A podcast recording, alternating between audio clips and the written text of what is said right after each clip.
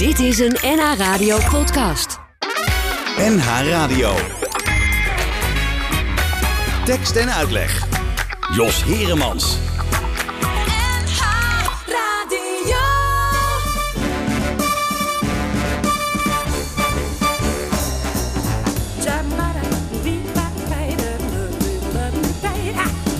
Wij zijn dol op de bossen.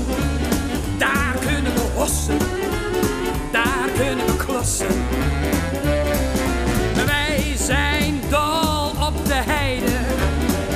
Op de weide.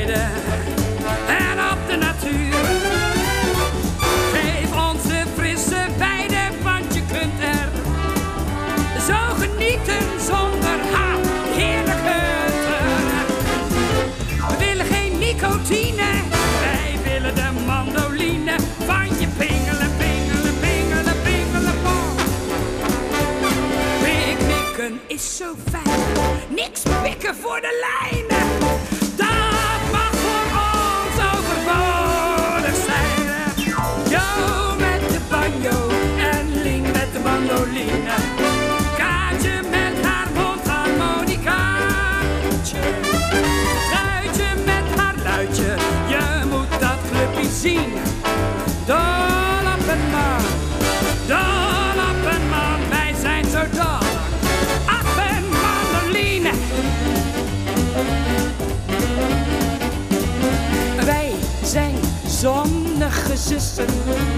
Wij zijn niet te kussen, wij zijn niet te kussen.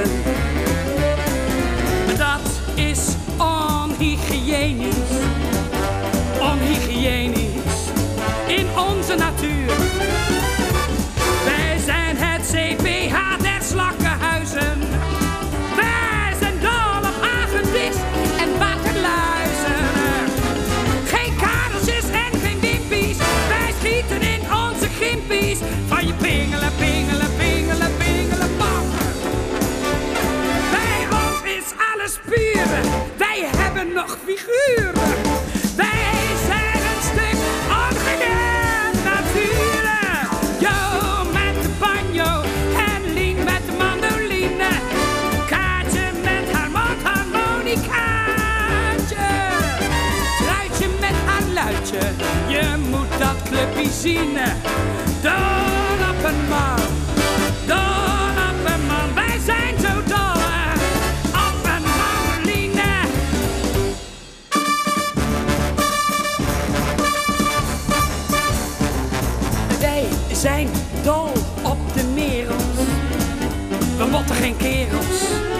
Wij motten geen kerels. Wij beschermen de diertjes. De miertjes, de biertjes. In onze natuur. Wij gaan soms veertien dagen lang kamperen.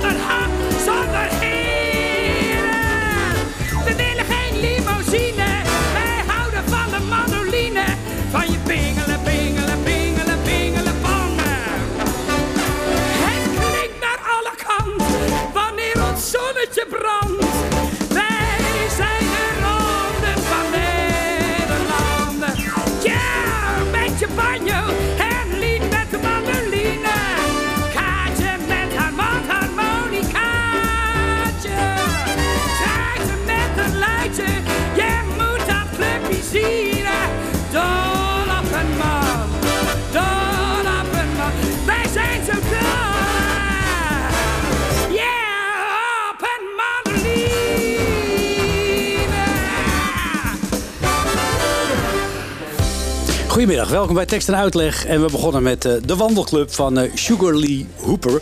En eh, dat ken je natuurlijk ongetwijfeld ook nog in de uitvoering van Jasprina de Jong.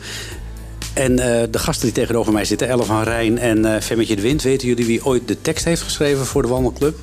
Oh, ik heb echt werkelijk geen idee. Nee? Idee. Dat was Toon Hermans. Oh, echt? Ja, ja dat is wel weer verrassend. Hè? Dit eh, is een eeuwige meezinger natuurlijk voor iedereen die van wandelen houdt. En eh Elle van Rijn en eh eh, Femmetje de Wind, die houden van wandelen. En eh, daarom hebben ze ook een wandelroman geschreven, de tweede al. Eh, een familie en een Griekse god. Dat doen ze niet alleen. Eh, jullie hebben dit keer de hulp ingeroepen van eh, Ronald Giphart en eh, Roos Slikker. Eh, de eerste wandelroman, eh, Vier Sicilianen. Nee. Eh, nee, vier wandelaars en een Siciliaan. Eén Siciliaan. Eén Siciliaan, maar wel een heel bijzondere. Ja, Ze zeker. erom vechten. Ja, die, eh, die, dat was een groot succes. Jullie- Jullie dachten van, dat doen we nog een keer. Eh, we zitten voor de gelegenheid overigens eh, niet in de studio... maar gezellig bij boekhandel Libris Venstra in Amstelveen. Dus we zitten midden tussen de boeken. En eh, jullie gaan straks ook nog eh, boeken signeren. Dus het wordt één grote gezellige bende. Eh, ik wil eerst wel eens even weten... zijn jullie echt van die wandelaars... of zijn jullie meer schrijver dan wandelaar? Nee, wij zijn denk ik... Ja, ik spreek voor ons beiden, maar ik denk dat wij wel allebei wandelaars zijn ook. Een beetje, ja, een beetje 50-50. Nou, nee, maar ik denk dat wij echt net zoveel van bewegen houden. En het moet een goede balans zijn als van schrijven. Ja, oké. En hoe is het Maar we zijn Femmetje? ook een beetje, ik spreek ook voor mezelf, ik ben wel een beetje een functionele wandelaar. Zeker, het moet wel een doel hebben. Echt ja. waar? Ja. Niet eh, gewoon zomaar van, ik, ik eh, ga vandaag Nee, maar- eh, eens een eentje lopen. Nee, maar daarom nee. Want ik wandel dan met de hond bijvoorbeeld. En jij wandelt om bij te kletsen met een vriendin. Maar eh, je, dit is natuurlijk ideaal. Want hierin hebben we gewoon eigenlijk het goede en het sportieve en het werk ook gecombineerd. En, en jij zei al van jij wandelt met de hond, Elle. En jij met de vriendin, Femmetje. Maar zijn jullie ook van die wandelaars die als ze op vakantie gaan denken van... er moet wel wat te wandelen zijn? Nou, ik denk dat het wandelen meer staat voor actief bezig zijn. Dat we toch altijd wel, dat herken ik wel, dat we allebei het moeilijk vinden om lui achterover te zitten. Ah, Dus, oké. en inderdaad, het nuttige met het aangename verenigen, Ja. dat is natuurlijk helemaal ideaal. Dat je dan Ja. en wandelt en ook nog daar iets mee doet later. Ja. Ja, dat vind ik wel heel erg fijn. Ik kan niet zo goed op vakantie gaan en dan ergens met een boekje alleen maar de hele dag op het strand liggen. Nee? Oh nee, afschuwelijk. Afschuwelijk. En, Ja, ko- echt en, en, ko- afschuwelijk. en komen er ook allerlei gedachten bij je op dan tijdens het wandelen? Allerlei ideeën om dingen te beschrijven? Nou, wandelen en, en sowieso om samen te wandelen. Want als ik echt in mijn eentje een- zou gaan, dat zou ik echt niet trekken. Dat, eh, nee, dat eh, lijkt me helemaal niks. Maar ehm, wandelen. Zijn mensen en- die vinden het ook heel Ja, louterend. Hè? ja, die gaan misschien. alleen eh, naar Compostela lopen. Nee, maar dat is misschien ook een heel goed idee, maar nog niet. Eh, Ik zou denk ik meteen in paniek raken als ik, Ik dan op zo'n vlakte ben en dat ik niemand meer zie. Dat ik denk, oh mijn god, wat moet ik nu doen als er iets gebeurt? Ja. Nou, ik ja, was- je, hebt was- altijd, je, je hebt altijd je telefoon natuurlijk. Nou, maar dat is niet waar, want die heb Je hebt je geen bereik nee, je hebt in geen bereik. Oh. En ik had ook, ik was eh, dus eh, een paar jaar geleden was ik met mijn twee ah, jongste dochters gaan wandelen. En eh, vonden zij ook niet zo'n goed idee. Maar ja, goed, ik had het bedacht en ze hadden niet zo goed opgelet. En in een onbewaakt moment had ik gewoon gezegd, nou, dit gaan we dus doen. En eh, niet geprotesteerd, niet genoeg. Dus wij gingen en het was best wel eng, want we kwamen ook heel vaak eh, heel veel koeien tegen. En dan stond er echt van tevoren een bord, kom niet te dicht bij de koeien. Maar die stonden dan midden op het pad. En er was verder niemand. Nee, wat doe je dan? Wat doe je dan? Nou ja, soms gingen wij gewoon omlopen. En vooral een van mijn dochters was echt hysterisch geworden. nou, Ja, dat zou ik ook worden, denk Ja. ik. Zo'n koe is best gevaarlijk, hè? Nou, in het andere boek zit er ook nog eh, een, Ja, een, een confrontatie met Ja. hem. En dat is een echte scène geweest. Dat bedoel, een echte situatie geweest... waar wij natuurlijk een hoofdstuk aan hebben gewijd. ja, uiteraard natuurlijk. Als je dat soort dingen maar tegenkomt. goed, dat is dus wat wij doen. Wij laten ons eigenlijk inspireren... door wat Mhm. we ook tegenkomen met elkaar. Ja, jullie doen het met elkaar. Eh, betekent dat ook dat jullie eh, buiten eh, het schrijven om ook met elkaar gaan wandelen, of niet? Soms.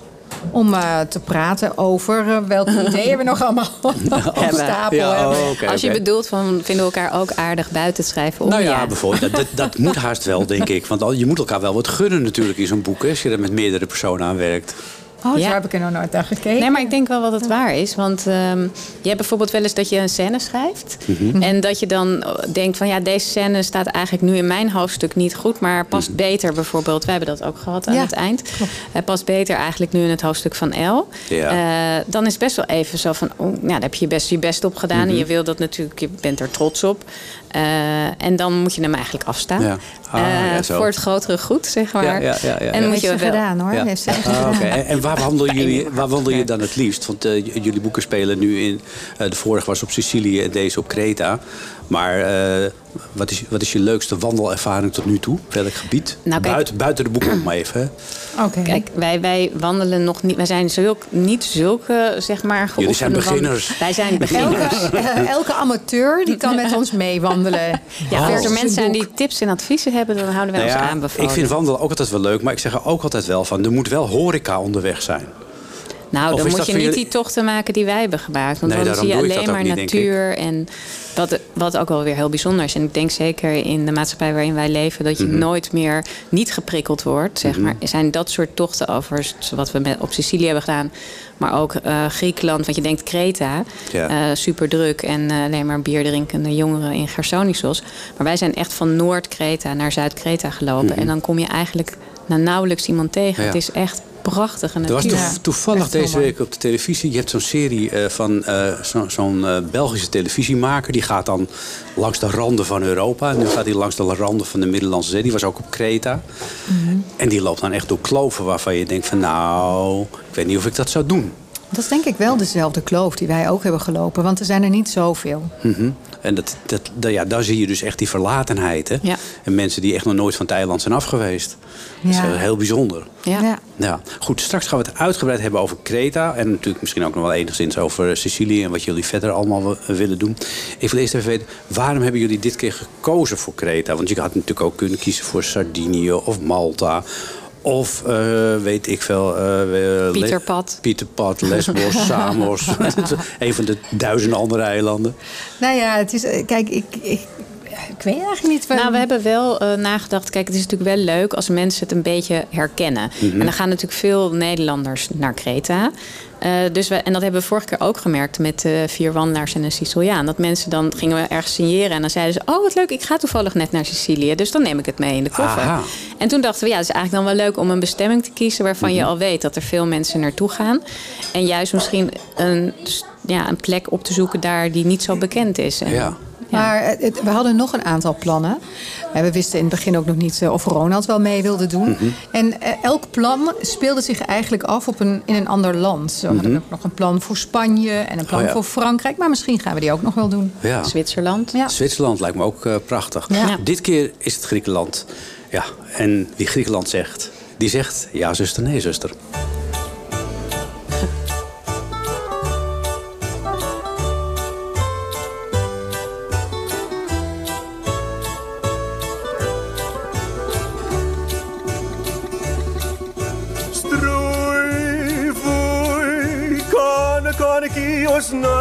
Na tequila staniul vu.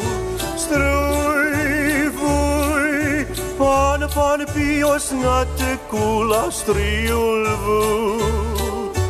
Patsos, patsos, drum kakira, patsos, patsos, drum larira, strui voi, kane, kane, kios, na tequila, staniul vu.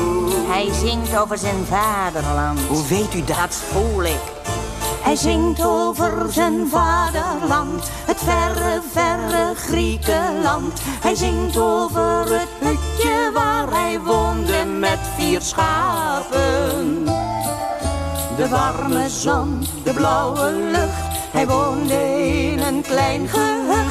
Hij zingt over het heimwee dat hem thans belet te slapen. Arme vreemdeling, arme banneling.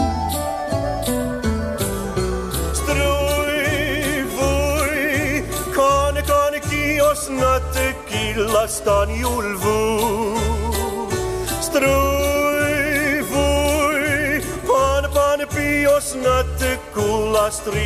Vu. Fatsos, fatsos, drum kakira, patsos, patsos, drum larira, strui voi, cane, cane, kios, na tequila, staniul vu. Hij zingt over zijn vaderland, het wonderschone Griekenland. Hij zingt over de druiven die hij bij zijn vader. Drinken uit een koele bron, de dorre grond, de hete zon. Hij zingt over de lammeren waar hij zaterdags mee speelde.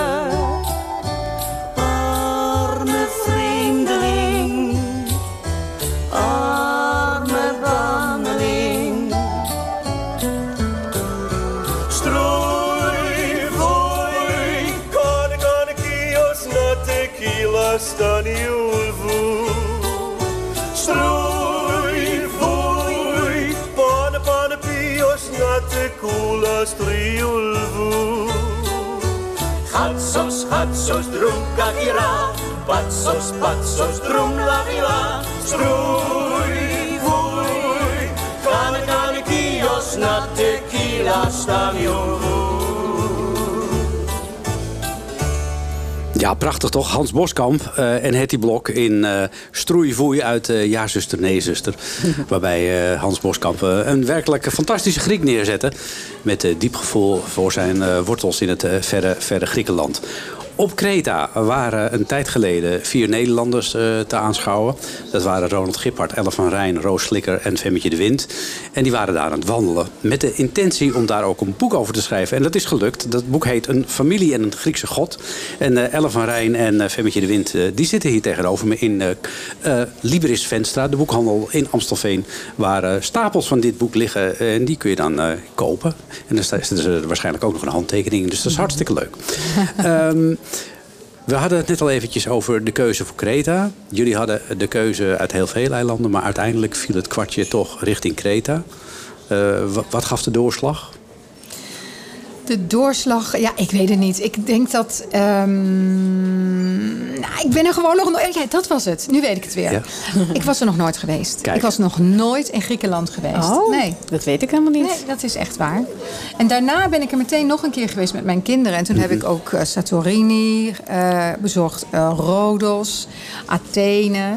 Eh, toen deden wij zo'n soort Je hebt meteen een heel... cruise. Nou, maar ik ben, vind het echt een geweldig land. Echt heel erg mooi. Ja, nu is het er wel altijd vreselijk warm. Of Nou viel dat ja, mee? maar wij waren niet in de Wij waren- zomer. Wij waren ook in oktober, hè? Ja. Oh ja, dat scheelt. Ja. Ja. Dus dat was goed te doen. ja.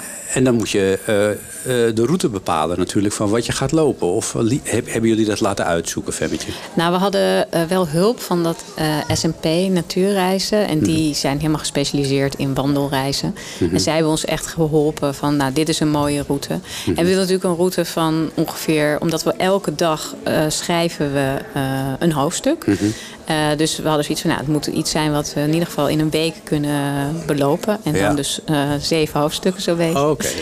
Dus ehm, ja, dat... ja, ja, daar want dat doen jullie ook in dit boek weer. Dat deden jullie in je vorige boek ook al. eh, vier wandelaars en een Siciliaan. Voor, eh, voor ieder hoofdstuk staat er eventjes eh, welke etappe we die dag kunnen verwachten. Ja, ja.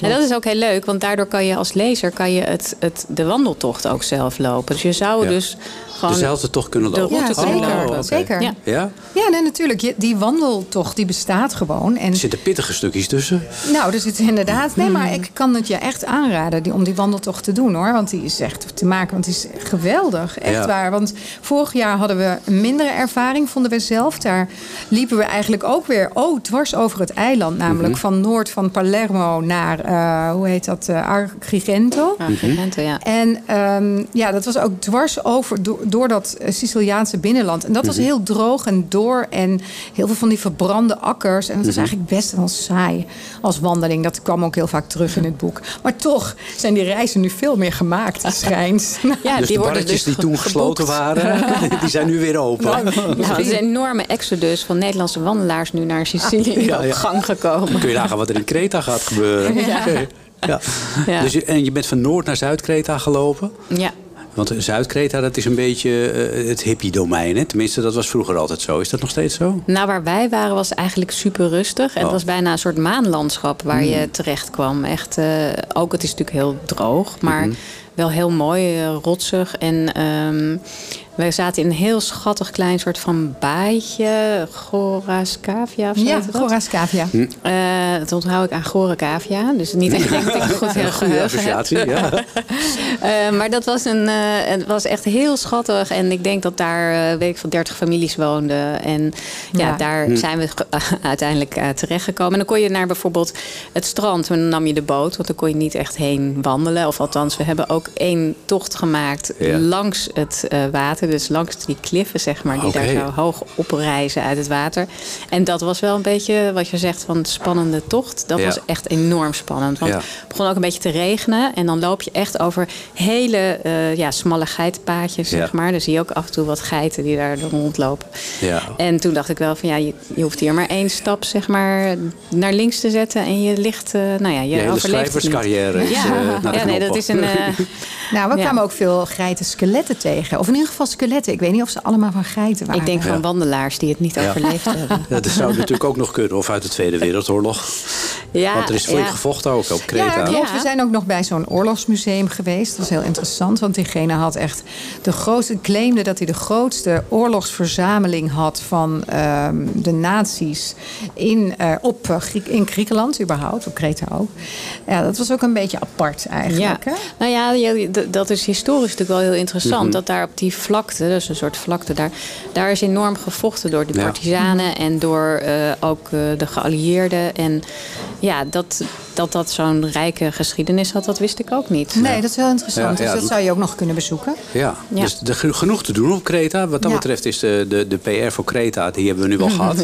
Nu gaan we even naar de PR voor het boek. Ja. Ehm, nou ja, maar toch, toch wel leuk dat we hebben ook echt wel geprobeerd om de dingen die je dan tegenkomt op zo'n Mhm. eiland, zoals inderdaad die, dat stukje historie, om dat wel mee te nemen, ook in het verhaal. Het maakt het ook wel, daardoor geeft het ook wat meer eh, kleur aan het boek zelf. Ja. En het geeft wat meer achtergrond. En daardoor begrijp je ook enigszins meer waarom je naar zo'n eiland toe gaat.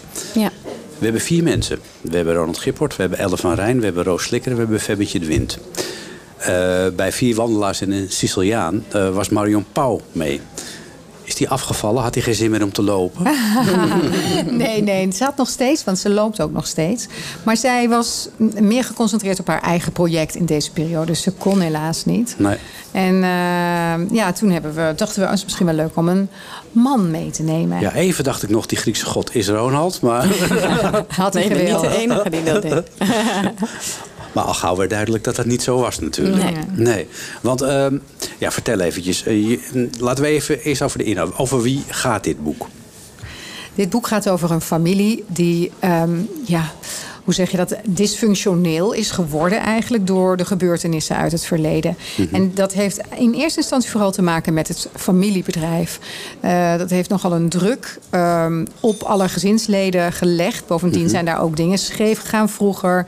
Eh, vader trok toch zoon voor als ehm, ja, haar- zijn opvolger. Terwijl dochter had dat misschien ook wel gewild. Maar daar was hij toch een beetje te conservatief voor om dat ook te kunnen bedenken. Nou, hij is gestorven. En dan blijft er een familie over waarin eigenlijk al die dingen die al die jaren zijn opgespaard, hè, zoals dat in meer families gebeurt, eh, beginnen te schuiven. En dat gaat niet meer goed. Op een gegeven moment werkt het niet meer. En dan gaat het echt mis. Ja. En nou, ik ben een oma in het verhaal. Ik ben Marie-Claire? Marie-Claire. Want laten we even, de- de- het is de familie van Alphen. Ja. Ze hebben een bouwbedrijf gespecialiseerd in het eh, restaureren en opknappen van monumentale gebouwen. Ja, daar is heel trots op. Daar zijn ze heel trots op. Eh, vader Arend, eh, die is niet meer. En moeder Marie-Claire, die is eigenlijk ja, de, de opvolger. En die, ja, die, die moet dat allemaal maar verwerken. En, Ja. die, en die moet die kinderen een beetje managen ook. Wat je zegt eigenlijk, want daar loopt het natuurlijk op een gegeven moment mis. Het gaat natuurlijk ook over de opvolging. Een beetje à la Succession, zeg maar. Dat je dus, van wie gaat nu eigenlijk in die schoenen van Arend? En, ehm, en, dat, en op dat moment heb je wel ook te maken, zeg maar, er zijn twee kinderen in het gezin. Een jongen en een meisje. En Arend heeft natuurlijk altijd een beetje zijn oog laten vallen op zijn zoon. Hoewel Ja. meisje ook een, wel een beetje het oogappeltje was. Maar daarvan vond hij eigenlijk dat zij in zo'n mannenwereld niet eh, tot haar recht zou komen. Ah. En daaromheen zeg maar, gebeurt ook van alles. Zeg maar. Mijn Ja. personage, Lauren, is de dochter. Ik ben de dochter van eh Ja. En Marie-Claire. dan hebben we nog de zoon. We hebben nog de zoon, ja. Eh, Laten we die ook even meteen bij de naam noemen. Casper. Ja. Casper is de zoon. Dus je hebt Lauren en Casper, dat zijn de kinderen. En ja, daar is een strijd gaande. Niet per se tussen hen, maar wel over wie gaat dat bedrijf nou runnen. En Marie-Claire krijgt daar dus eigenlijk een soort associatie bij van. Ja. Als we daarin blijven hangen, in die strijd... Mhm. dan gaan we niet alleen ten onder zeg maar, als bedrijf, maar ook als familie. Ja. En het zijn twee eh, totaal verschillende types, die Lauren en die Casper. Dat kun je toch wel zeggen, Ja, Casper is heel erg eh, outgoing. En wat, je, wat in dit gezin, wat ook in heel veel families, eh, tenminste wat ik ook heb zien gebeuren om mij heen, Mhm. is dat ehm één ouder kiest vaak partij voor het ene kind en de Mhm. ander kiest voor het andere kind. En dan ontstaan er eigenlijk ja, mm, op een bijna hè, natuurlijke manier, zou ik willen Mhm. zeggen, omdat de een lijkt dan vaak ook meer op de ander qua karakter, ontstaat er een soort tweedeling. En, en, en dat is eigenlijk in dit gezin ook gebeurd. Casper was echt Marie-Claire's lieveling. Waardoor eigenlijk de, de band met mijn dochter Mhm. is altijd vrij eh, moeizaam geweest. Ik ben daar trouwens nu This Is Us aan het kijken. Ja. En ken je die serie? Ja. Echt een geweldige serie. En daarin zie je dat ook de hele tijd. Het gaat alleen maar over familie. Maar ik vind het zo interessant eigenlijk hoe die fa- familieverhoudingen Mhm. ontstaan. Daarom is het ook niet voor niks dat er zoveel familieopstellingen worden gedaan. Hè, waarin je dat, dat, dat patroon wat er eigenlijk vanaf jongs af aan al is ingesloten. Dat, dat probeer je te dat- doorbreken. Dat, probeer je te doorbreken. Tenminste, eerst herkennen natuurlijk. Precies, ja, precies. Dus nou ja, in dit gezin, eh, Marie-Claire heeft door, dit gaat echt, dit, dit gaat nergens meer over. En daarom heeft zij een list bedacht. En die list is iedereen naar Griekenland lokken met het vooruitzicht met z'n allen aan een eh, luxe zwembad te, zich, eh, te liggen in een eh vijf-sterren resort. En als ze dan aankomen, dan geeft ze ze wandelschoenen. Ze zegt, wij moeten Gaan wandelen. Gaan wandelen. Dan komen we nader, basis. dan komen we nader tot elkaar. Ja. Is dat een idee wat je zelf ook bedacht zou hebben? Als het met jouw familie eh, eh, op een punt komt dat je denkt van jongens, we moeten er eens eventjes de diepte in. Nou, als mijn familie nu luistert, ja, dat zou ik eigenlijk best kunnen bedenken. Want hoe is dat gegaan? Want je moet natuurlijk een bepaalde rolverdeling hebben. Eh, nou, dat Gijs, hè, dat is de schoonzoon. Dat dat Ronald Gippard is, dat lijkt me... ja, dat, kan, dat kan bijna niet anders. Maar eh, hoe hebben jullie de rollen verdeeld? Was het meteen duidelijk eh, dat, eh, dat jij, Elle, zei van... ik, eh, ik schrijf die Marie-Claire? Nou, De de- de als moeder. ik eerlijk ben, niet. Ah, Ehm, je kijk, bent- het is je opgedrongen. nee, ik had het idee bedacht, dus ik zei, kiezen jullie maar. En toen bleef Marie-Claire over. Oh, zo. Ja. Nee, maar je moet dacht- je wel voorstellen wat het allerleukste eigenlijk is, vind ik, aan zo'n boek schrijven, is juist die fase daarvoor dat je met elkaar gaat zitten om de tafel en dat je gaat bedenken wie worden de personages Mhm. en inderdaad wie gaan die personages dan vertolken. Ja. En, en juist op dat moment is er nog alles mogelijk. Dus ik Ja. bedoel, wij hebben uiteindelijk natuurlijk enkele personages bedacht, zoals jij ze nu leest. Ja. Maar in, in dat gesprek was het nog zo dat het bij wijze van spreken ook zou hebben gekund dat ik een lesbische affaire zou hebben met eh, Ja. Roos of zo, Ja. hè, qua eh, Ja. onze personages dan. Dus eh, Was het wel snel duidelijk wat voor soort personages het moesten worden? niet meteen. Nee, niet meteen. Maar dat verzin je ook met elkaar. Mhm. En eh, het belangrijkste daarvan is, is dat het ja, ergens eh, conflictuerende re- relaties zijn. Dus dat Mhm. de karakters zo de, dusdanig van elkaar verschillen. Want anders zouden ze ook nooit deze problemen hebben Mhm. gehad. En weet je wat zo bijzonder is aan dat concept dat je eigenlijk dat ieder vanuit zijn eigen karakter schrijft, is dat. Je kunt in ieders hoofd kijken. Eh, je kunt eh, zijn gedachten lezen, zijn of haar gedachten, zijn gevoelens mee, meebeleven. En daardoor, dat heb je natuurlijk anders nooit. Hè? Nee. Je krijgt alleen al je eigen perspectief mee, of dat van Ja. één eh, schrijver. Maar daardoor begrijp je waarom het niet lukt om nader te komen. En je begrijpt, je begrijpt er is niet één iemand slecht of een ander Hmm. iemand goed. Ehm, en dat is natuurlijk ook wat zo vaak aan de hand is. Maar, maar hoe begin je zo'n boek dan? Want Oh, ja. eh, je, bent natuurlijk je, je bent, met- je bent met Nou, je vier, hebt- je hebt bent wel- met vier personen. Nee, nee, nee, eigenlijk nog niet. Je hebt Oh. één, eh, ehm, één verhaallijn eigenlijk. Ja. En dat is van. Die schrijf je wel op ergens. Nou ja, we hebben een familie, zeg maar. En die, eh, die familie die he- heeft een probleem. En dat weet je misschien nog niet eens echt welk probleem. En ze gaan met elkaar wandelen. Dus Oké. dat, dat, dat was eigenlijk. dat ja, spreek je met z'n vieren af. Dat, zo start zeg ja, maar zo de start outline. het. En dan gaan wij samen zitten. En dan, En dan hebben samen echt zitten, ja. eh, dat en precies wat Femmetje zegt, dat is zo leuk. Dat hebben we ook op de boerderij gedaan van Mhm. jouw eh, moeder.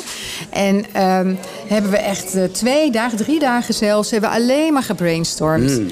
En, en soms dan denk je, oh, dat is een te gek idee. En dan ga je erop door. En dan denk je, nou, maar waar leidt dat Ja. eigenlijk toe? En dan werkt het niet. Dan moet je weer terug. Ja. Maar dit was echt, dat is een hele leuke fase. En dan kun je natuurlijk zelf ook, hè, want ik zeg wel net van ja, toen bleef Marie-Claire over. Maar uiteindelijk heb ik haar natuurlijk ook zelf gevormd. Ja. En ik zei, ja, ze, heeft iets, ze moet iets creatiefs hebben.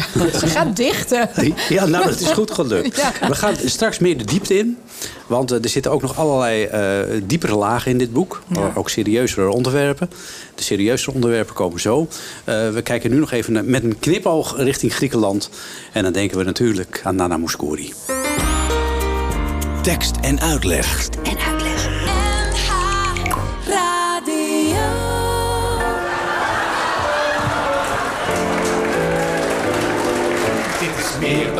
Liefdesverklaring.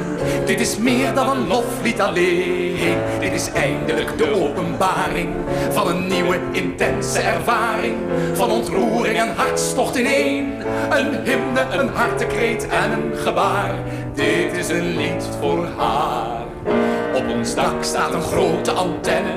In ons huis een stuk Philips know-how. En zo leerden wij twee jaar kennen. Die betoverende musicienne. Die volmaakte oneindige vrouw. Die jurk en die stem en dat prachtrepertoire. Dit is een lied voor haar. Ach, wij hebben indringend gehouden van het andere zwakke geslacht. Maar het werd tussen ons en de vrouwen, tussen trouwen en niet te vertrouwen. Nooit exact wat wij hadden verwacht, maar weg met dat melancholiek commentaar. Dit is een lied voor haar. Ach, waren alle vrouwen zoals zij. Dat heldere geluid, die matte huid, die zwarte haren, die sobere extase, die eenvoudige gebaren, de twinkelende glazen van die bril. Min 2, min 6, wat een verschil kortstondige successen van die toppopzangeressen. Voor haar zijn al die juffies geen partij. Ach, waren alle vrouwen zoals zij. Ach, waren alle vrouwen zoals zij. Dat donkere gewaad zo delicaat over haar benen. Bij een Spaanse tarantella, uit Athene. Een stukje a cappella in het Frans. Een Schotse dans in het Japans. Een lijfzang van Theodorakis. Of wat sierlijke sirtakis. Oprecht en bijna griezelig nabij. Ach, waren alle vrouwen zoals zij. Niet ongenaakbaar, onaanraakbaar, geen fata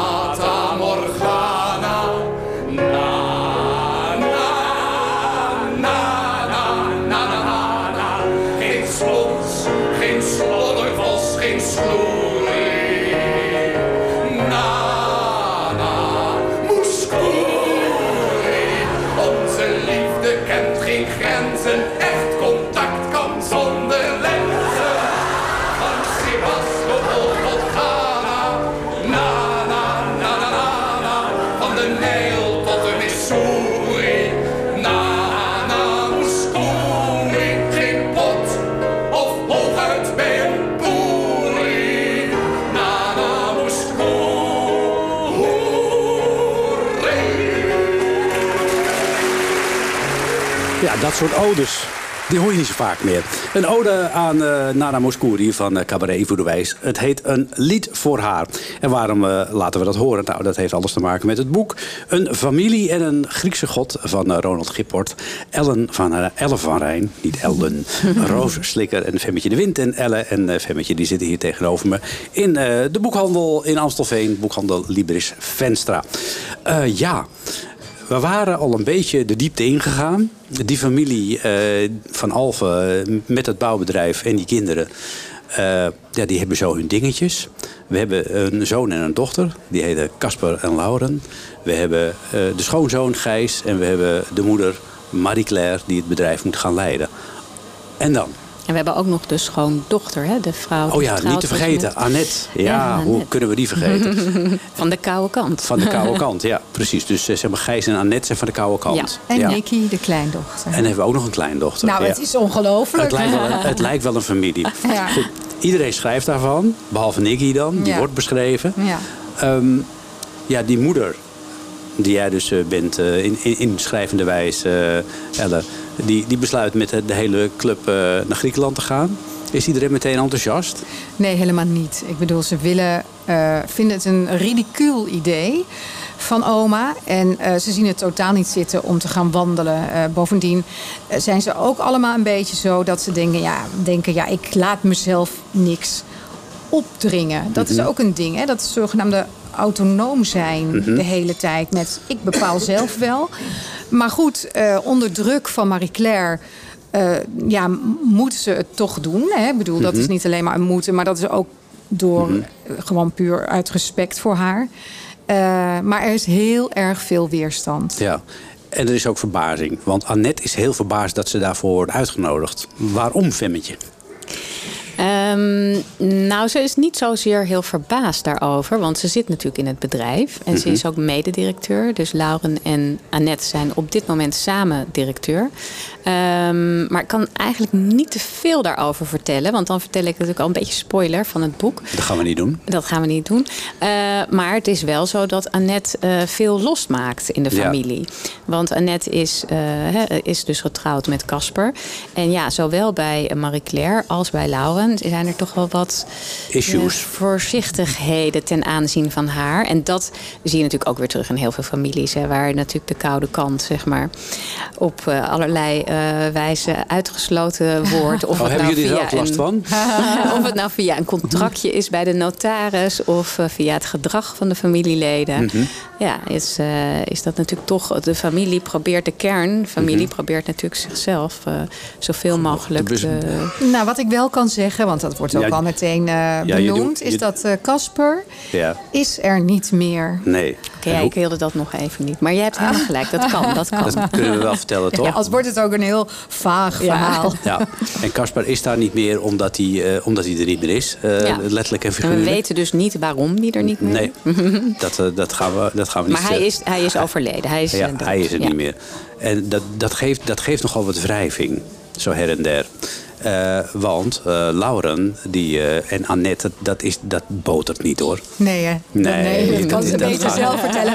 Annette kan er helaas niet zijn Nee, ja. vandaag. Nee. Dat is Roos. Ja, ja. Ik wil dan graag voor mijn personage even opkomen. Ja, kom, zeg Want ik bedoel, maar. Lauren die heeft gewoon keihard gewerkt en gestudeerd en geleerd. En overal ervaring opgedaan bij goede bedrijven. Dus ze komt van Ja. McKinsey. Dus ik bedoel, ze heeft echt wel wat in de melk te brokkelen. En Ja. dan zit er eigenlijk een, ja, in haar ogen toch een wat eh, inadequate eh, mededirecteur. Mhm. Omhoog gevallen. Omhooggevallen mededirecteur waar ze het maar mee te dealen heeft. Met een klein beetje minderwaardigheidscomplex ook wel. De mededirecteur. Ja? Die dat een beetje probeert te overschreeuwen, inderdaad. Ja, door haar. Ah, ik moet het nu echt opnemen voor Oh, Annette. neem jij het op voor Annette Want dan? Annette heeft het echt van iedereen toch het, het, het zwaarst, denk ik. Hmm. Ik bedoel, zij heeft letterlijk ehm, leeft gewoon met het gemis van Hmm. Casper elke Mhm. dag. Ik bedoel, het is haar man, het is haar grote liefde.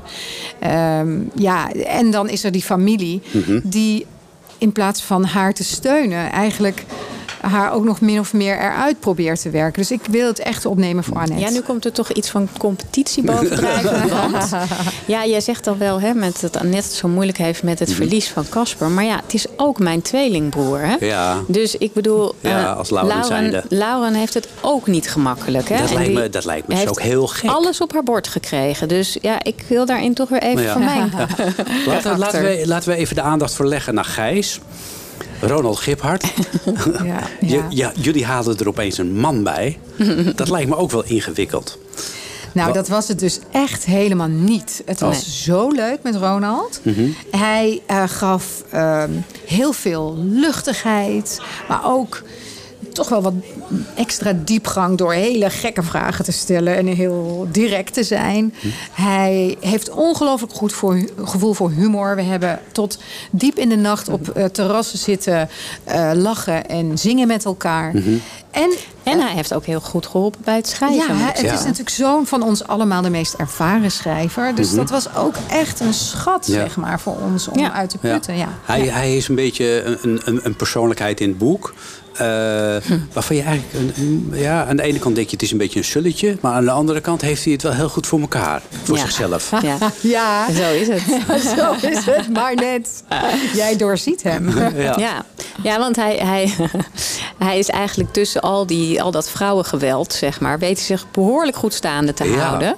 Ja. En eh, iedereen mag hem eigenlijk. Terwijl Ja. als je kijkt, eh, nou ja, op de keper beschouwt is wat hij doet. Nou, altijd niet even. Het is een glijder af en toe, ja, hè? niet altijd. Nou, waar hij heel goed in is, is met iedereen een eigen bondje eh, Ja. soort van Ja. opbouwen. Of, Hij zou het heel goed doen in Wie is de Mol. Ja, ja, ja. ja. Gijs en wie is de mol. Ronald, hoor je dat? Eh, en want, want eh, eh, wa- waarom zijn jullie bij hem terechtgekomen? Want je had natuurlijk ook een andere man kunnen vragen. Ja, we hebben het over verschillende mannen gehad. En uiteindelijk hebben we... Iemand gekozen waar we. Nee, we hebben, wij samen hebben daar met verschillende mannen... Hebben we, tenminste, zijn de revue gepasseerd. Maar uiteindelijk kwam de uitgeverij met een voorstel. Hmm. En het, Ronald vindt het altijd heel belangrijk dat we daarbij zeggen... dat hij dus wel echt de eerste keus was. En nou, dat was hij ook echt. Dus Mhm. Zij kwamen met zijn naam. En dat vonden wij meteen een heel goed idee. Ik vind hem ook wel heel eh, voor de hand liggend eigenlijk. Hij, pa- hij past er heel goed in, Ja, denk Ja, ik. Wat hij zelf eigenlijk zei was van eh, toen hij ervan hoorde, dus toen hij het eerste Mhm. boek zag, toen zei hij: Jeetje, wat een geweldig experiment, literair Mhm. experiment. Dat, eh, daar had ik aan mee willen doen. Dat was zijn eerste gedachte. Jullie eerste boek al. Ja, en, Oké. en dus hij had het al, het was hem al opgevallen en hij had er eigenlijk ook al dus deze gedachte bij. En Mhm. toen hij dus benaderd werd, had hij eigenlijk meteen zoiets van: geweldig, ja, daar wil ik aan meedoen. Want Ja. het is zoiets ja, literair interessant om dit samen op te pakken. Zo verkocht hij dat aan zijn vrouw. Oh ja. Ja, want hij die moest, die moest natuurlijk wel toestaan dat hij met drie vrouwen naar Kreta ging. Ja, dat is wel Oh, ook wel weer vier een ding. trouwens. Vier vrouwen? Ja, want we hadden onze redactrice ook bij Oh ons. ja, ja. En hoe lang zijn jullie op Kreta geweest? Ook echt een week maar? Nou, acht dagen volgens Ja. mij. Ja. Jeetje. Ja. En was dat dan ook om te schrijven of alleen maar om Nee, die alleen maar om indrukken? te keten. Om te Nee. keten. kan. Keten op Kreta. Nou, Ja. dat is eh, per persoon eigenlijk verschillend geweest. Want eh, we, we hebben veel over het boek al gepraat. We hebben veel gewandeld. Eh, we hebben ook veel gelachen en veel gegeten. Maar eh, er was altijd wel een moment dat we ons terugtrokken naar Mhm. onze kamers. En dan gingen we schrijven. Alleen sommigen gingen dan een dutje doen. Of die Oh, gingen ja. er dan over nadenken. Wat ze gingen maar dat is schrijven. gewoon per, nee, maar dat is gewoon per persoon. Bij iedereen Ja. die werkt op zijn eigen wijze. Femi- hier heb je toevallig, en dat zeg ik echt niet, de, de twee personen. Die, de twee personen die dan echt het meest ijverig gaan tikken op hun kamer. En, En die elke dag iets willen afleveren. Oh ja, dat ook. Ja, ja. maar, Maar dat hoe- betekent maar- niet dat ik er als eerste klaar was. Maar bijvoorbeeld, hoe, hoe, hoe, hoe lever je iets af? Want hoe doe je dat? Eh, Ga je, want eh, doe je het eh, op volgorde? Van, eh, nou, even kijken, want la- laat ik het eerste hoofdstuk Nou ja. even bijpakken. Eerste hoofdstuk, Annette. Dus eh, jij bent begonnen, eh Femmetje. Nee, Nee, nee, nee. nee, dat is Maar het- Laura. Of, oh, sorry, Laura, ja, maar nee, met Roos. Laurens. Sorry, neem me niet kwalijk. Nou, we hebben eigenlijk heel concreet... is er gewoon een open document... waar we Mhm. allemaal in werken, waar we stukken kunnen zetten. Oké. En, eh, en op dag één inderdaad zitten we bij elkaar... s ochtends en gaan we met elkaar van... wat gaat er ook weer ongeveer vandaag gebeuren. Dus we hebben Ja. elke dag een dramatische ontwikkeling. Ja. En we schrijven dus allemaal over wat er dan die dag gaat gebeuren. En ga je dan ook in elkaars tekst?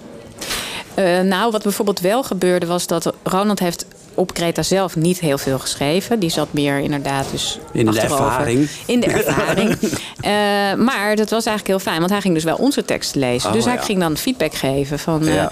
hey, ik zie nu dit. Of het lijkt me nu wel eens tijd voor, voor iets... Hè? Oh ja. Voor de seksscène of zo. Ja, dat is- Eh, Oh ja. dus, ehm, dus het was eigenlijk heel leuk dat hij eh, ja, eigenlijk heel erg met ons meegeleefd heeft. En daar vanaf de zijlijn ook commentaar op kon geven. Mhm. Oh ja, op die manier. Maar Ja. wat, wat jij ook vraagt, volgens mij, is eh, dan schrijven soms, eh, ga je in elkaars dialogen zitten Ja. eh, werken. Dat, dat doe je niet. Mhm. Eh, maar je schrijft natuurlijk wel vanuit de ander, schrijf jij ook gewoon eh, wat diegene Ja. gezegd heeft. Dus dan, en soms, dat, dat is meestal de latere fase, dan gaan we, gaan we daar eens goed doorheen. Eh, de redacteur is daar ook heel belangrijk Mhm. in. En die zegt, check even al dit nog waar jij Mhm. ge- gequote wordt, zeg maar. Of dat inderdaad wel is Past. hoe past bij hoe jij dat zou zeggen. Of jouw personage. En daar Ja. zijn wij heel. Daar, je moet wel goed samenwerken met dit project. En dat maakt het en- ook extra En leuk. je, moet denken, je kunt elkaar ook af en toe suggesties doen van... eh, ik, heb, ik, heb, ik heb nog wel een ideetje om dat af te maken. Ja. Nou, en je kunt ook heel erg, weet je wat, heel, wat ik heel fijn vond. Als je in het begin was ik nog niet helemaal duidelijk wat Marie Claire, eh, wie zij precies was. En dan las ik iets van jou bijvoorbeeld. En dan dacht ik, nou ja, dat klopt eigenlijk wel. Dus je kunt ook Oh, worden ja. gevoed door je eh, collega's. Ja, ja. ja. ja, Eh, ik heb nog een mooi nummer eh, waar we naar gaan luisteren. Eh, ik heb een steen verlegd. Eh, want dat heeft ook te maken met jullie boek. Gaan we niet uitleggen hoe dat zit. Moeten mensen zelf maar het boek kopen. Dan kom je het vanzelf tegen. En daarna gaan we het even hebben over een Griekse god. Want die is nog niet aan, aan de orde geweest. Oh ja.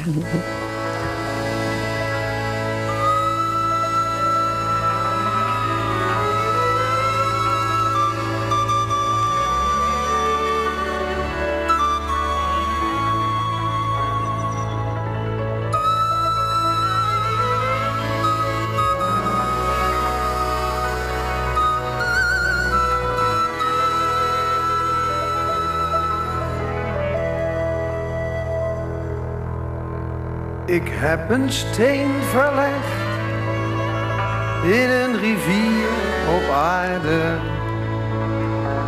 Het water gaat er anders dan voorheen. De stroom van een rivier hou je niet tegen. Het water vindt er altijd een weg omheen. Misschien eens gevuld door sneeuw en regen. Neemt de rivier mijn kiezel met zich mee.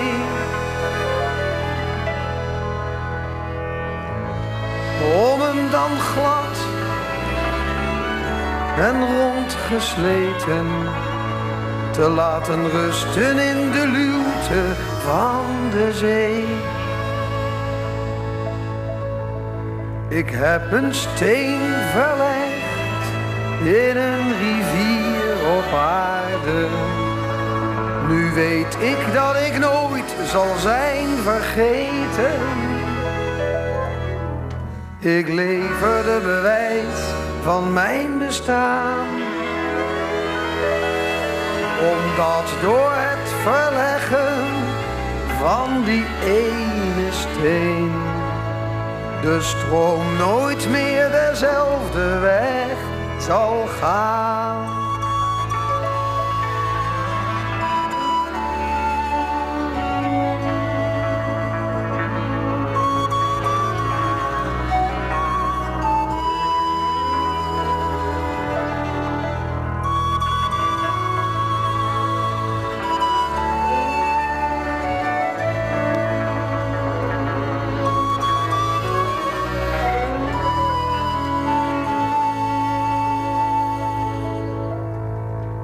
Ik heb een steen verlegd in een rivier op aarde. Nu weet ik dat ik nooit zal zijn vergeten. Ik leverde bewijs van mijn bestaan. Omdat door het verleggen van die ene steen dezelfde weg zal gaan. De steen van eh, Bram Vermeulen. Stenen zat op eh, Kreta, zou je kunnen zeggen. Dus eh, heel toepasselijk. In verband met het boek Een familie en een Griekse god... van Ronald Gippard, Elle van Rijn. Roos Slikker en Femmetje de Wind. En Elle van Rijn en Femmetje de Wind... die zitten hier gezellig ook bij ons in Boekhandel de Venstra in Amstelveen. Want we zijn met tekst en uitleg voor de gelegenheid op locatie. We hebben de familie wel een beetje gehad... maar nu die Griekse god... ja, Ja, ja. Je hebt toch ook altijd even iemand van buitenaf nodig, hè, soms, om zo'n familie weer op het spoor te krijgen. Ja. Nou, ook iemand van buitenaf. Eh, eh, Soms heb je een, een buitenstaander letterlijk Mhm. nodig om eigenlijk je eigen perspectief te verleggen. En te bedenken, maar wat zijn wij nou eigenlijk aan het doen? Mhm. Wat zou hij nou denken als hij ons nu hier zo ziet? Want wie is die God? Nou, dat Ja. kan ik wel verraden. Dat is mijn nieuwe liefde. De nieuwe Ja. liefde van Marie Claire. Niet dat dat Elle Alice nieuwe liefde. Want dan krijgen we dat voor nee, verhalen mensen. Elle is Nee, gewoon dat nog hartstikke gelukkig met- getrouwd. ja, ja. En met een Italiaan, dus Ja, helemaal ja, ja, niet met een. Griek. Nee, dat zou ik toch even benadrukken, dankjewel.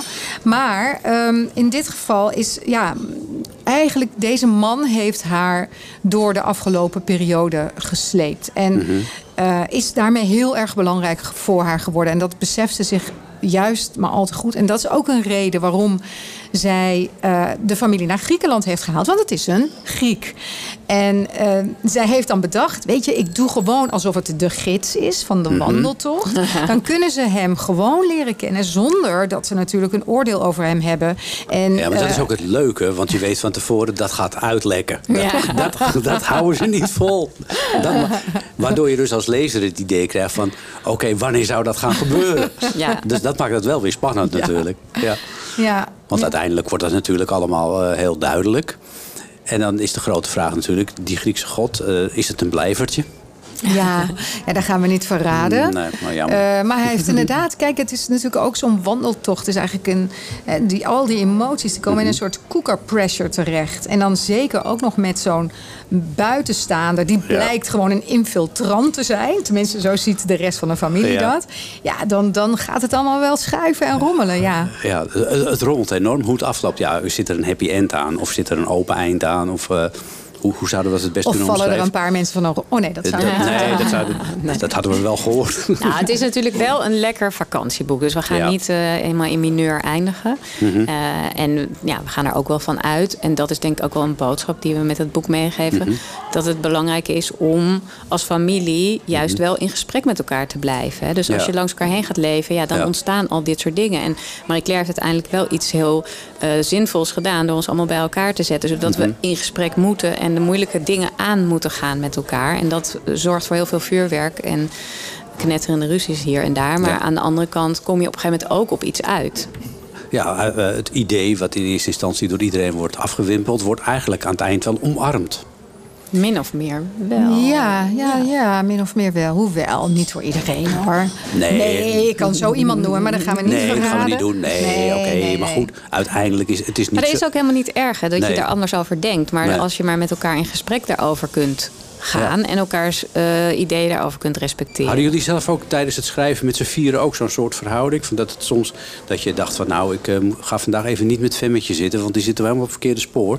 Ik, eh, ik heb wel wat meer contact met Roos of met Ronald. Nee, nou dat niet. We hebben het met z'n vieren echt heel erg fijn gehad. Wat wel gebeurde is dat we soms als in als waren we onze personages, wat Femmetje net eigenlijk ook al deed eerder dit uur, Mhm. eh, g- gingen met elkaar gingen praten. Ja. Dus, eh, waardoor je eigenlijk al die dialoog bijna niet meer hoefde te verzinnen, omdat het op het moment eh, ontstond. Maar ehm, nee, het is niet zo dat we wij, wij hebben helemaal niet gedoe, helemaal niet. Nee, ja, dat is jammer eigenlijk voor de verkoop van het boek. Want ja, ver- Nou ja. ja, stel je voor, Nou ja, nee, en je het moet is wel ook- afgekomen. Stel je voor dat, dat een, van, een van de vier er eh, na drie kwart mee ophield. Nou, ik denk dat dit allemaal wel echt Ronald's schuld is. Want wij wilden continu eh, ruzie maken en moeilijke situaties in het boek. Dus, dus hij is echt En we eh, wilden- zoals Gijs. En, en we, wilden, we wilden ook echt eh, iets meer conflict. Maar dan zei Ronald steeds... Maar dat hoeft toch helemaal niet? We kunnen het toch ook gewoon gezellig houden? En zeiden we, nou, ja, we, we volgen maar een beetje zijn mening. En ik moet zeggen ook dat ik het ook eigenlijk wel heel leuk vond. Want daardoor, weet je, in het eerste boek hebben we eigenlijk zoveel conflict gehad tussen Mhm. die vrouwen. Terwijl nu konden we iets meer richten echt op het verhaal, op de ontwikkeling. En dat eh, vind ik positief eraan. Ik weet niet hoe jij dat vond. Ja, nou wat ik, ja, ik, ik vind heel veel positief aan. Ik kan er niks aan nemen. Maar wat als ik voor mezelf spreek en over de rol van, van die ik heb, ik vond het eigenlijk. Eh, ik, ik, ik vond het heel moeilijk in het begin om, om Marie-Claire te vangen, zeg maar. Mhm.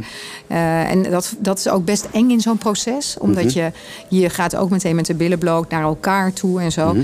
En uiteindelijk ben ik, ben ik zo gelukkig met haar geworden. Het is alsof ik ook eh, als, als eh, Elle ben ik ook een beetje Marie-Claire geworden. En daarmee ook een soort van heel, ja, nou wordt het heel spiritueel. Maar, en ehm, dat dichten leverde ook echt iets op bij mij. Ja, ik weet niet. Ik, ik, ehm, weet je, je probeert in elk boek probeer je toch weer eh, jezelf uit te dagen. En iets, iets nieuws te maken, Mhm. iets neer te zetten. En met een boog die je maakt, hè, zeg maar door het personage wat hij meemaakt, ook een soort catharsis te beleven. En dat is wat ik wel beleefd heb, ja.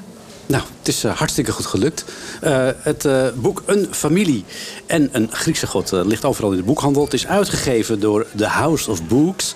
Eh, ik zou zeggen, eh, koop het. Het beste kun je het dan bij Venstra in Amstelveen kopen. Want er staat er vaak ook nog een handtekening in. Ik vond het heel leuk dat jullie er waren. En ik denk zo dat er wel nog zo'n wandelboek gaat komen. Dank jullie wel. En eh, nog veel wandelplezier in de toekomst. Dankjewel. Gezellig. Hé,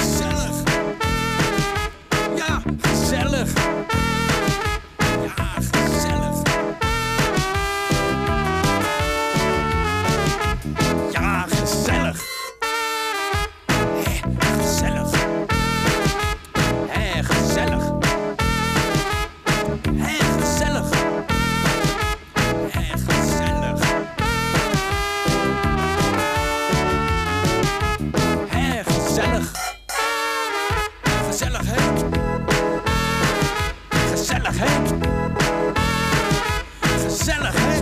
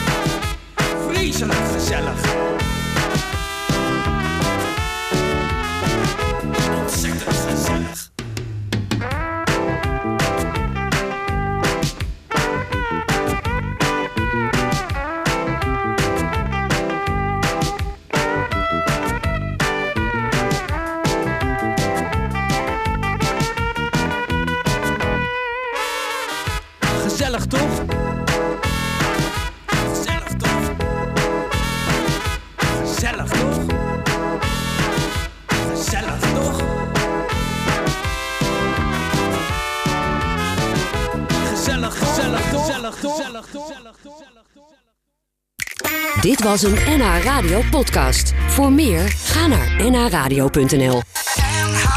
Radio.